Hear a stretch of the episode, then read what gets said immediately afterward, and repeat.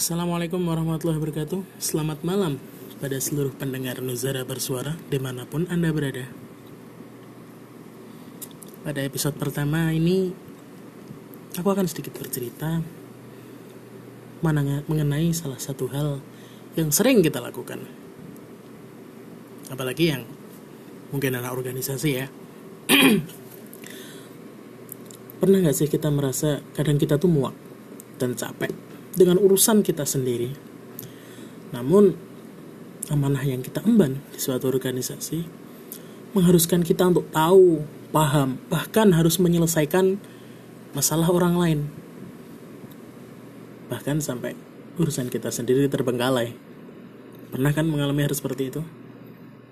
Tapi coba deh, lihat sisi positifnya. Tanpa disadari, sedikit demi sedikit masalah kita juga akan selesai dengan sendirinya. Masalah kita, qadarullah, ada seperti tangan-tangan yang tidak terlihat yang membantu. Karena mungkin hal itu terjadi karena kita membantu orang lain dalam menyelesaikan masalahnya. Apalagi ditambah kita mengemban amanah dakwah yang tidak ringan ini.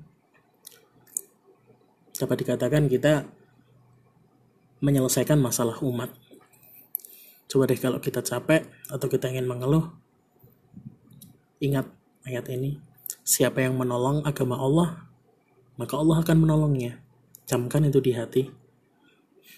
Cukup itu untuk menjadi alasan fundamental kita dalam berdakwah, dalam kita berorganisasi, dalam kita bergerak. Menjadi semangat kita dalam menjalani hari-hari yang berat. Ingat, kita bekerja untuk umat dan kita dan kita niatkan ini semua untuk Allah Subhanahu wa taala, untuk beribadah kepadanya.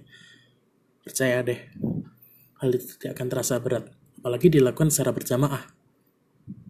Berdakwah itu melakukan hal kebaikan itu jangan sampai sendiri.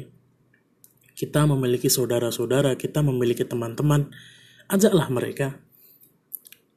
Karena karena sendirian itu berat, men. Berjamaah deh enak. Bareng-bareng banyak kepala banyak kepala banyak ide banyak gagasan dalam menyelesaikan segala masalah. Setiap kita melangkah ketika kita capek selalu ada yang mengingatkan. Ketika kita salah langkah ketika kita salah melakukan sesuatu ada teman kita yang mengingatkan. Bahkan ketika kita futur kita dalam malas-malasnya ada mereka-mereka yang akan mau mengangkat kita bahkan menyeret kita kembali agar kita kembali semangat. Coba deh renungkan sebelum kita mengeluh tentang hal-hal yang terjadi. Oke, mungkin itu saja yang dapat aku sampaikan malam hari ini.